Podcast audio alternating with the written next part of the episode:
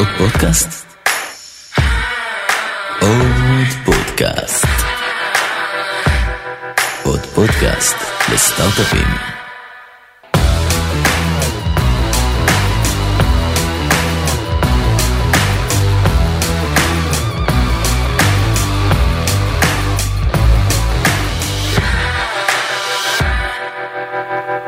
יעל, מה קורה? היי גיא. איזה כיף לפגוש אותך פה, לדעתי זו פעם ראשונה שאנחנו בפורמט הזה, נכון? נכון, מתרגשת להיות פה, תודה על ההזדמנות.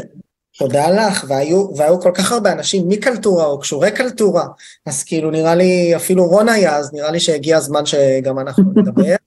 אז, אז יעל ככה, לפני, לפני שנתחיל באמת אה, לגעת בנושא של הפרק, אני אשמח שכן תספרי כמה מילים אולי עלייך ועל קלטורה, אם אפשר. זה בכיף. אז אה, אני יעל, אה, אני האמת שמושבניקית גאה ממושב אה, בתעשיית ההייטק שנים רבות, נמצאת בקלטורה כבר תשע שנים, בתפקיד של HR Business Partner, אני בעצם אחראית על עבודה עם החטיבה העסקית וגם חטיבת הפיתוח, ותפקיד ככה רוחבי שמסתכל על תהליכים, תקציבים, עבודה עם האזורים השונים. קלטורה בכמה מילים, חברת הייטק בתחום הווידאו, מפתחת פתרונות וידאו שונים ומגוונים להרבה מאוד לקוחות מסוגים שונים בעולם, ושמחה להיות פה איתך היום. תודה רבה, חברה מאוד מעניינת, קלטורה, רק בעוד כמה מילים אם אפשר מספרים, הרי זו חברה ציבורית, אז קצת על סדרי הגודל של קלטורה, רק כדי שמי שלא מכיר, מכירה, יבינו במה מדובר. כן, כן, זה באמת שחברת קלטורה היא חברה מאוד מעניינת, אני הצטרפתי אליה כשהגעתי מסטארט-אפ שנרכש על ידי קלטורה, ובעצם ממש לפני שנתיים הנפקנו בהנפקה מרגשת. החברה מתעסקת אה, במספר אה, אה, מוצרים מרכזיים, אחד הוא באמת פתרונות וידאו לארגונים וגם לאוניברסיטאות, יכולת שלנו לנהל תכני וידאו בצורה הרבה יותר מורכבת ומעניינת, לצד גם אירועים וירטואליים שאנחנו עושים, או היברידים היום בעולם החדש, ועוד נישה ומוצר של בעולמות ה-Cloud TV, שמפתחת את הפלטפורמה שמנהלת את החיים שאנחנו צורכים היום, את התוכן שאנחנו צורכים היום. מדהים. אז, אז באמת אני אשמח ככה, את אמרת בין השורות, את תשע שנים כבר בקלטורה. נכון. לתוך היותה של החברה מונפקת והופכת לחברה ציבורית, ולפני זה היית בסטארט-אפ, אז ראית וחווית לא מעט, אה, בוא נקרא לזה תנודות, בשווקי המקרו, בשווקים הכלכליים, ומה שנקרא בתעשיית הסטארט-אפים וחברות ההייטק בפרט. איך את רואה את התקופה הזו, את 2023, בעודנו מדברים אה, לעומת תקופות קודמות, לעומת אולי משברים קודמים, וההשלכות שלהם כמובן על, אה, על שוק כוח האדם, מן הסתם. כן. כן, אז אני חושבת שבאופן כללי, כל שנה בהייטק היא נראית אה, אחרת ושונה. אה, השנה הזאת הייתה כמובן אה, שונה יותר. אני אגיד רגע, מהפרספקטיבה שלי, אני באמת חוויתי גם משברים בעבר. התחלתי את דרכי במשבר של 2008, הייתי מגייסת צעירה בחברה, ובאמת אני חושבת שהמשבר השנה הוא שונה, כן, או התקופה היא שונה. אה, ואני מסתכלת על 2008, שוב, הייתי מגייסת צעירה, גם אז פתאום כל המשרות אה, נסגרו, נעצרו, אבל התחושה הייתה אחרת, הייתה תחושה של אה, פתאום הבנקים הגדולים בארצות הברית קרסו, היה קצת חוסר אונים, גם של המנהלים וגם של העובדים, הכל היה נראה שחור משחור ועומד. ואני חושבת שהיום, השנה הזאת, מגיעה אחרי תקופה הרבה יותר אה, מאתגרת לנו, כן, לאנושות, אה, סביב הקורונה, אה, פתאום למדנו, כן, את התפיסה של העובד, וגם הפרספקטיבה שלנו, של החיים, וגם בעיקר בגלל הכניסה של הדורות החדשים, דור ה-Y, דור ה-Z, שהם היום מרבית העובדים, שבעצם הם למדו להסתכל אחרת ולהתנהל אחרת. אם אנחנו מסתכלים היום, הפוקוס שלנו כעובדים, איך אנחנו מנהלים את הקריירה שלנו בתוך המשבר הזה, איך אנחנו מנהלים את עצמנו, כן, הבית, העבודה. ואני חושבת שאני מסתכלת אחורה על השנה הזאת, אז כמובן, הייתה, הייתה בשוק ההייטק, במצב העולמי של הכלכלה והמלחמה באירופה של רוסיה ואוקראינה שינו, אבל אנחנו כעובדים וגם הארגונים הגיעו עם חוסן. אחר.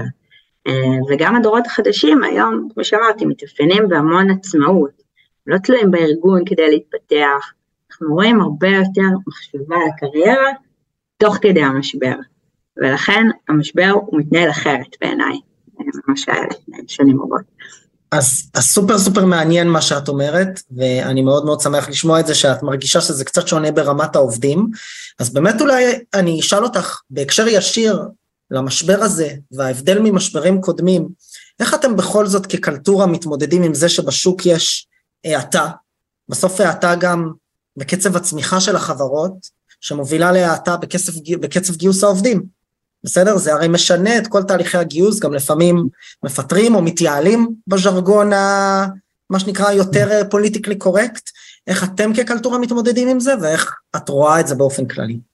כן, אז אה, קודם כל זה נכון, כן. אה, וגם אנחנו, בדומה לחברות אחרות, אה, עברנו למצב שגדל והנפיק, והיו לנו 130 משרות פתוחות ו-20 אחוז ניודים פנימיים, ופתאום הכל אה, נעצר. יש איזשהו חשש או התנהלות מיוחדת מול העובדים הקיימים בתקופה הסוערת הזו? אתם למשל בקלטורה באמת אחראים על מאות עובדים, האם אתם מהפוזיציה שלכם, אולי גם כחברה ציבורית, נוקטים בצעדים מיוחדים, או יש איזושהי זווית או אתגרים שאתם אה, נאלצים להתמודד איתם בתקופה הזו? ככה נראה לי לסיום, הייתי שמח לגעת במקרו של הדבר מהזווית שלכם. כן, כן. זהו, מן הסתם חברה ציבורית אה, מכניסה אה, תהליכים אחרים קצת לתוך הארגון, ואני חושבת שאנחנו, מה שהיה לנו מאוד חשוב, באמת זה להישאר עם היד על הדופק ולשמוע את העובדים שלנו.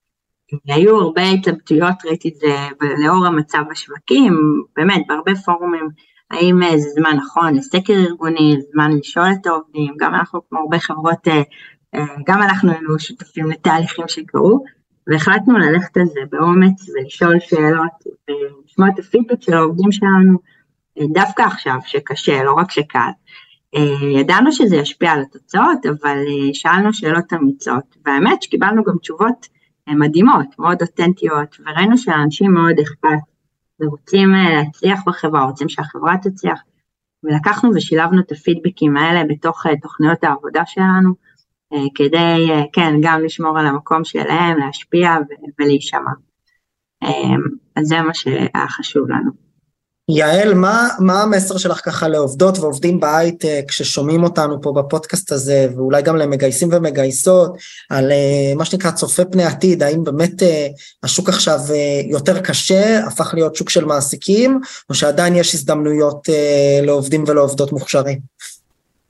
אני חושבת שעדיין יש כמובן הזדמנויות לעובדים מוכשרים מכל הסוגים, עובדים ועובדות. אה, ואנחנו רק הולכים לכיוון הזה, כן, של יותר אה, הסתכלות על הכישורים האישיים והיכולות שלך, לאו דווקא רק על הניסיון.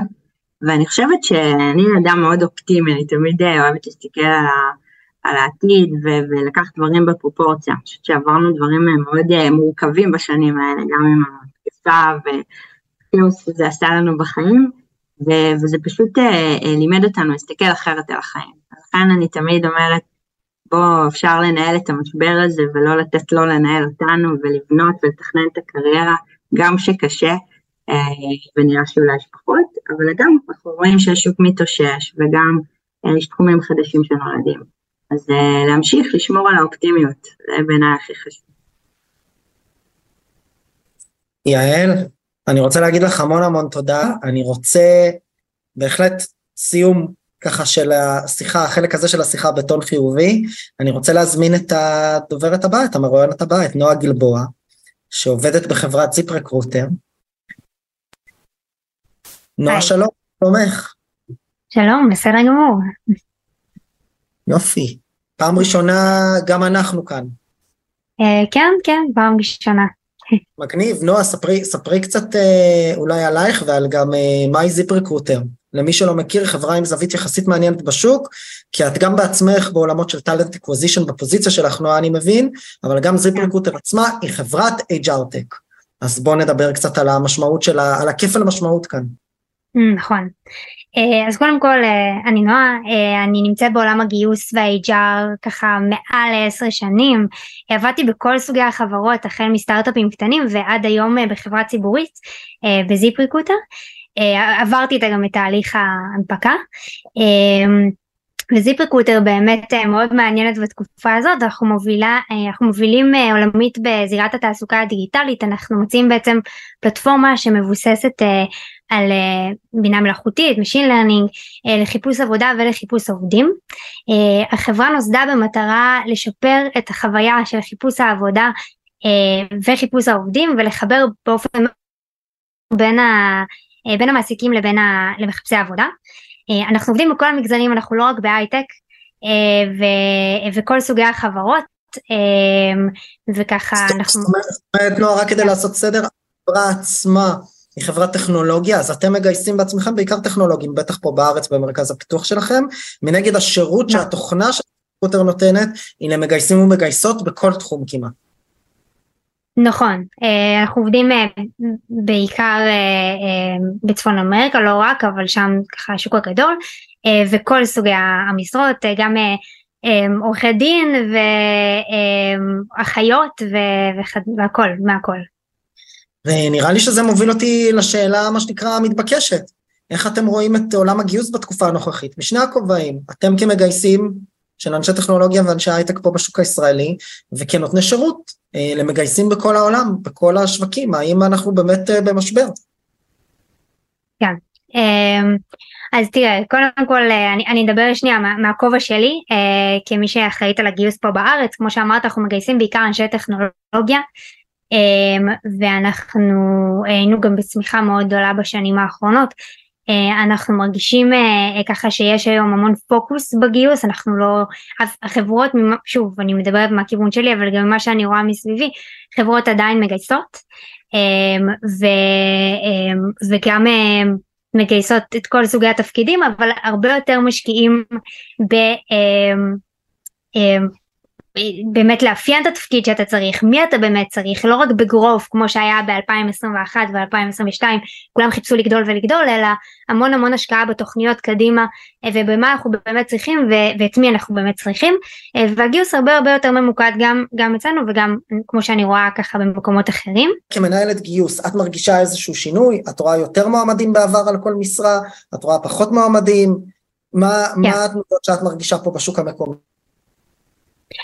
אז מהמקום שלי ואני כמובן מדברת מאיך שאני רואה במשרות שאני מגייסת אליהם שהן מאוד טכנולוגיות ומראש הן מאוד מאוד uh, כזה הן מדויקות um, אנחנו רואים עלייה יותר במועמדים אקטיביים.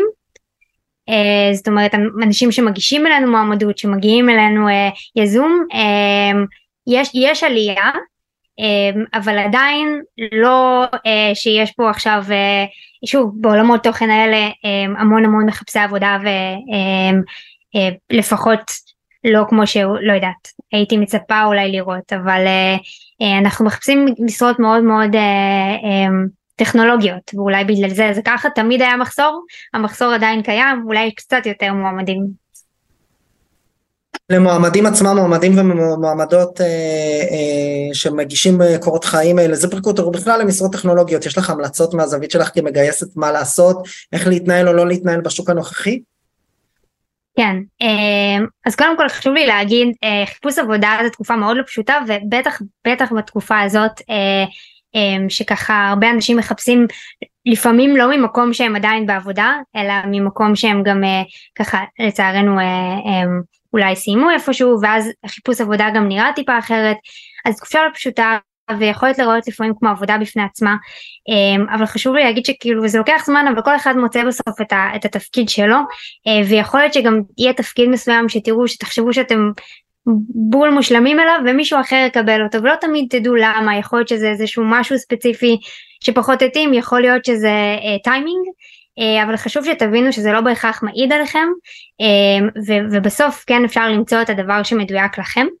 אה, כשאתם ניגשים לחפש ואתם ניגשים לרעיונות תלמדו את התפקיד, את המוצר, את החברה, תקראו, תבינו לאן אתם מגיעים, אם אתם מרגישים לא מוכנים תתכוננו לפני, תשאלו שאלות, אתם יכולים להבין את אופי הרעיונות וגם תלמדו מהתהליכים שיש לכם. אחד הדברים שלנו חשובים בזיפ ריקרוטר זה לתת פידבק. ואני מאוד ממליצה לבקש את זה גם אם לא אה, גם אם לא נותנים לכם אותו באופן יזום אתם יכולים לבקש בעצמכם אנחנו מציעים אנחנו לא מכריחים לקחת פידבק אה, ולמה זה מאוד חשוב גם בתקופה הזאת במיוחד יש המון המון תהליכים אתם יכולים ללמוד מהם אתם תוכלו לצמוח זה לא ביקורת פידבק אלא זה אפשרות בשבילכם לצמוח אה, וללמוד לרעיונות הבאים שלכם. אה, אז אני ממש אה, ממליצה זה, זה בעיניי טיפ אה, שככה מאוד יכול לקדם. וגם אם אתם חוששים קצת מהמצב של החברה אתם רואים פיטרו לא פיטרו כל דבר תשאלו אל תחששו לשאול איך, איך התפקיד אליו אתם מתמיינים יושב בדיוק באסטרטגיה של החברה קדימה. ת, ת, תבינו איפה זה נמצא אם, אם יש לכם חששות לגבי זה. זהו זה. נראה לי נראה לי שזה הרבה מאוד טיפים פרקטיים. נועה גלבוע מ-ZipRecruiter, תודה רבה על הזמן שלך. תודה. ביי, ליטון. הצלחה עם הגיוסים, אני רוצה להזמין את המרואיינת הבאה, את אורלי קוז'יקרו אלפסי, אני מקווה שאמרתי את שם משפחתך נכון. כן, קוז'יקרו, אתה כבין היחידים שאמרו אותו נכון אולי. אז uh, שמחתי שנים של ניסיון בפודקאסט, מנהלת מיתוג מעסיק במייבנס, נכון? נכון. אחלה, אז אני אשמח uh, שלפני שנצלול, ספרי קצת עלייך ועל מייבנס. אה, אז אני עובדת במייבנס אה, עוד מעט שלוש שנים.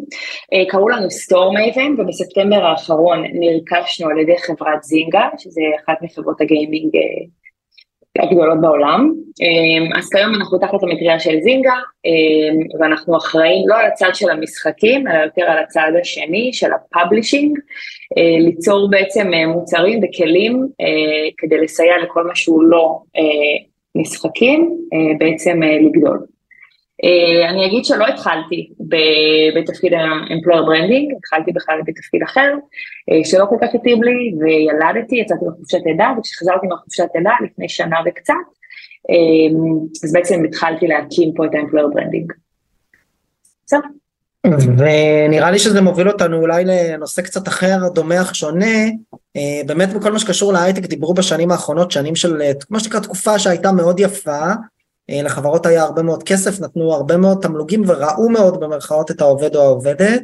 אה, עכשיו התקופה קצת יותר לחוצה, יותר קשה, ופתאום אולי לפעמים העובדים נפגעים. מצד שני ראינו איזה קו מגמה שבו באמת מקומות העבודה בהייטק ניסו להיות הרבה יותר הוליסטיים ולהכיר בכל הצרכים השונים של העובדים. למשל אנחנו מדברים על כל מיני הטבות רפואיות, חופשות לידה, חופשות לידה לגברים, כל מיני דברים שקשורים גם במגדר אבל לא רק. זה משהו שאת מהזווית שלך מנסה להביא במיוחד במייבן, בתור מישהי שחזרה מחופשת לידה ועכשיו בונה את המחלקה הזו אצלך? כן, אז אני אגיד, אה, אני אתחיל אפילו מהראייה המקצועית שלי, שבתפקיד שלי בתור employer branding בעצם אני אמורה אה, למתג את החברה כלפי חוץ. אה, וגם כלפי פנים, כאילו כל הערכים של החברה אחרי שאתה מבסס אותם אתה צריך להציג אותם כלפי חוץ שאנשים יבינו מה זה מייבנס ולמה לעבוד פה וגם כלפי פנים, שתמיד העובדים יבינו מה מייבנס נותנת להם. ויש uh, uh, טרנד כזה מאוד גדול של סרטונים מצחיקים שיוצאים שחברות עושות כחלק מה-employer branding והחלטתי שהם באמת מעולים ומצחיקים בטירוף אבל שאם אני עכשיו יוצרת תוכן אני רוצה שהוא לא יועיל רק למייבנס, לחברה שאני עובדת בה, אני רוצה להתחיל לנרמל דברים ולהועיל לעוד אנשים. ומייבנס זאת חברה שמאוד טובה בלראות את העובד, כאילו זה הרבה מעבר ל-work-life balance, ואני מיד אדבר על זה.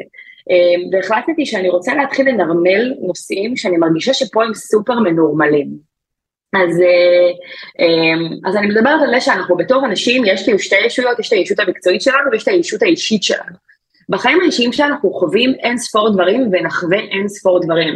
אני, אנחנו אה, כנשים ניכנס להיריון, לא נצליח להיכנס להיריון, נבצע טיפולי פוריות, שזה דבר שאני לא חוויתי אותו, אבל אני שומעת מאחרות שהוא הוא באמת, זו תקופה מורכבת בטירוף, אה, יש אנשים שמתגרשים, יש אנשים שצריכים לסעוד אב, אם, אח, אה, וחווים אובדן, גם להפוך לאבא או לאימא, שזה על פניו דבר מאוד משמח, זה דבר משנה חיים. אה, ככה לימדה מישהי בפודקאסט שראיינתי אותה, שהיא אמרה לי, יש אירוע משנה חיים. איך אני משלבת אותו עם היותי עובדת עכשיו? אה, וזה משהו שכדי לשמר עובד, אה, אני רוצה, אני רוצה להפיק הכי טוב מהעובד שלי, והעובד רוצה להפיק הכי טוב ממקום העבודה. אני כמעסיק חייב לראות את העובד שלי ולהבין שאם הוא עכשיו חווה משהו, כמו גירושים, כמו אישה שחווה טיפולי פוריות, איך אני יכול אה, לסייע לו. גם אם זה אומר שעכשיו תקופה מסוימת הוא לא יהיה במאה אחוז שלו. אז, אז אני חושבת שאחד הדברים שאנחנו, שאני רואה, ואנחנו מנסים להציף פה כמבט, זה הנרמול הזה, שכולם חווים דברים. בתור עובד, ובתור בן אדם שיש לו חיים פרטיים, ואנחנו צריכים לראות איך הדבר הזה כמה שיותר משתלב, איך אנחנו בתור מעסיק יכולים לתת אה, לעובד שלי את התחושה הכי טובה, לחוות את הדברים האלה. אז מה אנחנו, אתם כמעסיקים, בכלל מעסיקים בהייטק יכולים לעשות כדי לגרום לעובדים להרגיש שרואים יותר את האירועים משני, משני החיים האלה, ולאזן בין זה לבין זה שבסוף בואי נגיד את זה בתכלס, אנחנו רוצים אה, עובדים פרודקטיביים שידלוורו ויעשו את העבודה שלהם. אז, אה, אז אני כן אגיד שקודם כל, אני מנסה, קודם כל אנחנו מנסים להעלות את המודעות לנושא הזה. אני כן אגיד ש... הרבה פעמים עובדים לא מרגישים בכלל בנוח לשתף שקורה להם דבר כזה, וכאן מתחילה איזושהי בעיה, מתחילה איזושהי הסתרה בין מעסיק למועסק, שבעצם עובד חווה עכשיו עולם ומלואו ואנחנו לא יודעים. ודיברתי עם כל מיני נשים על הדבר הזה, מישהי שעברה מלא טיפולי פוריות, מישהי שאיבדה את אח שלה, וכאילו הם אמרו, אבל אם, אם המעסיק כאילו, אם המעסיק נגיד לא יתמוך בי בדבר הזה, אז אני, יש מצב שאני אעזוב, רק רע יצא מזה, לא יצא מזה משהו טוב הרי. ואם אנחנו ננסה להגיע לאיזשהו עמק השווה, אז מזה יכול לצאת טוב. אם עכשיו העובד הזה, אני נותן לו הזדמנות ואני אומר לו שלושה חודשים עכשיו, כן, מישהו אחר ינסה לחפות עליך, זה משהו שיוצא מדהים לשני הצדדים. ולפעמים קשה לתפוס אותו, כי אנחנו בסוף צריכים שהבן אדם הזה ידלבר עבודה. גם אני שאלתי מישהי, אמרתי לה, אבל בסוף את צריכה לתת עבודה, את צריכה לכתוב את הקוד, את צריכה לכתוב את המוצר הזה. והיא אמרה, כן, אבל מה יצא מזה שכאילו יגרמו לי להרגיש רע?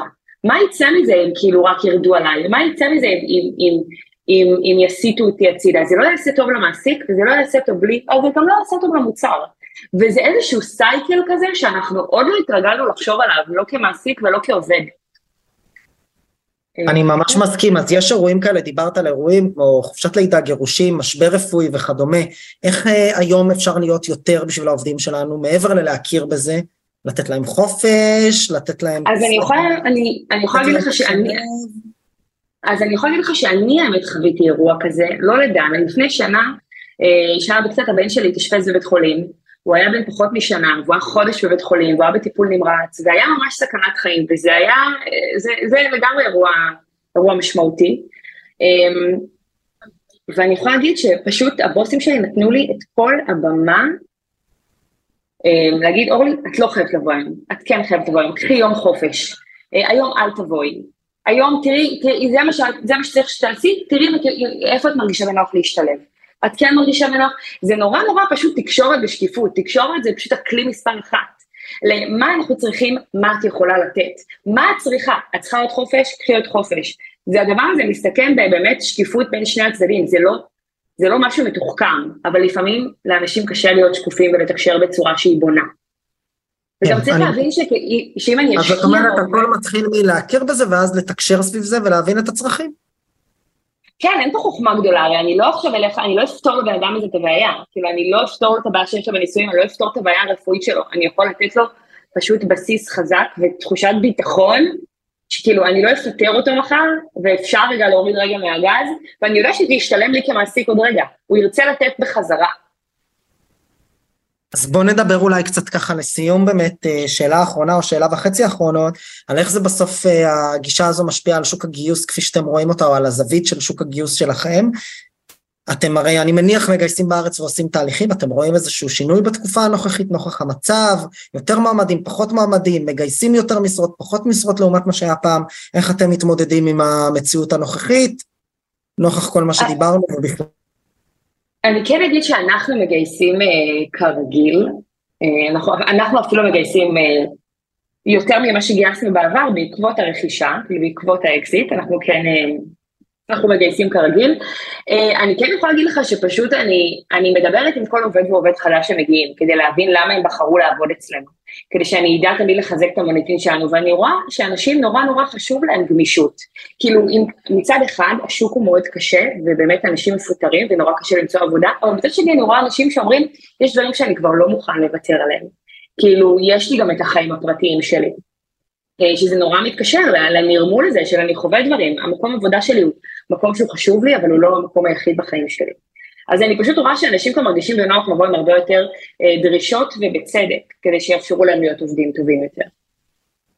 מעולה, טיפים ככה למועמדים שבאים אליכם או שבכלל מחפשים עבודה לסיום? האמת שאני פשוט רוצה לתת כאילו, אני רוצה לתת יותר טיפ למעסיקים, אני לא מעסיקה גדולה, אבל, אבל אני פשוט מדברת עם הרבה אנשים ואני רק רוצה שמעסיקים ידעו לראות את העובדים שלהם ולגרום ולנרמל את הנושאים שכולנו חווים ביום יום שלנו. אה, ולעובדים אני רק אגיד לסמוך על עצמם ולהאמין בעצמם שזה יהיה בסדר. אה, זהו.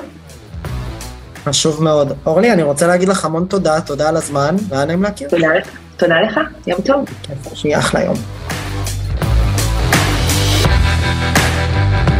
חברות וחברים, תודה רבה שנשארתם עד סוף הפרק והאזנתם לי. אני מקווה מאוד שהפרק העשיר אתכם ולימד אתכם משהו חדש, ואם הרגשתם שלקחתם משהו מהפרק הזה, אני ממש אשמח שתשתפו אותו ואת הפודקאסט בכלל, כדי שעוד יזמות ויזמים בתחילת הדרך בישראל יוכלו ללמוד על איך להקים ולהתחיל את הסטארט-אפ שלהם. אם אתם רוצות ורוצים לשמוע עוד פרקים, אני מזמין אתכם להירשם למעקב. כל הלינקים למעקב אחרי הפודקאסט שלנו מופיע ב-description, וכמובן אתם מוזמנים לפנות אליי, או בלינקדאין או באינסטגרם, ולספר לי איך נהניתם מהפרק ומה למדתם, או סתם לכל בקשה ותהייה, גם הלינקים האלה מופיעים אצלנו בפודקאסט. תודה רבה, ונתראה בפרק הבא.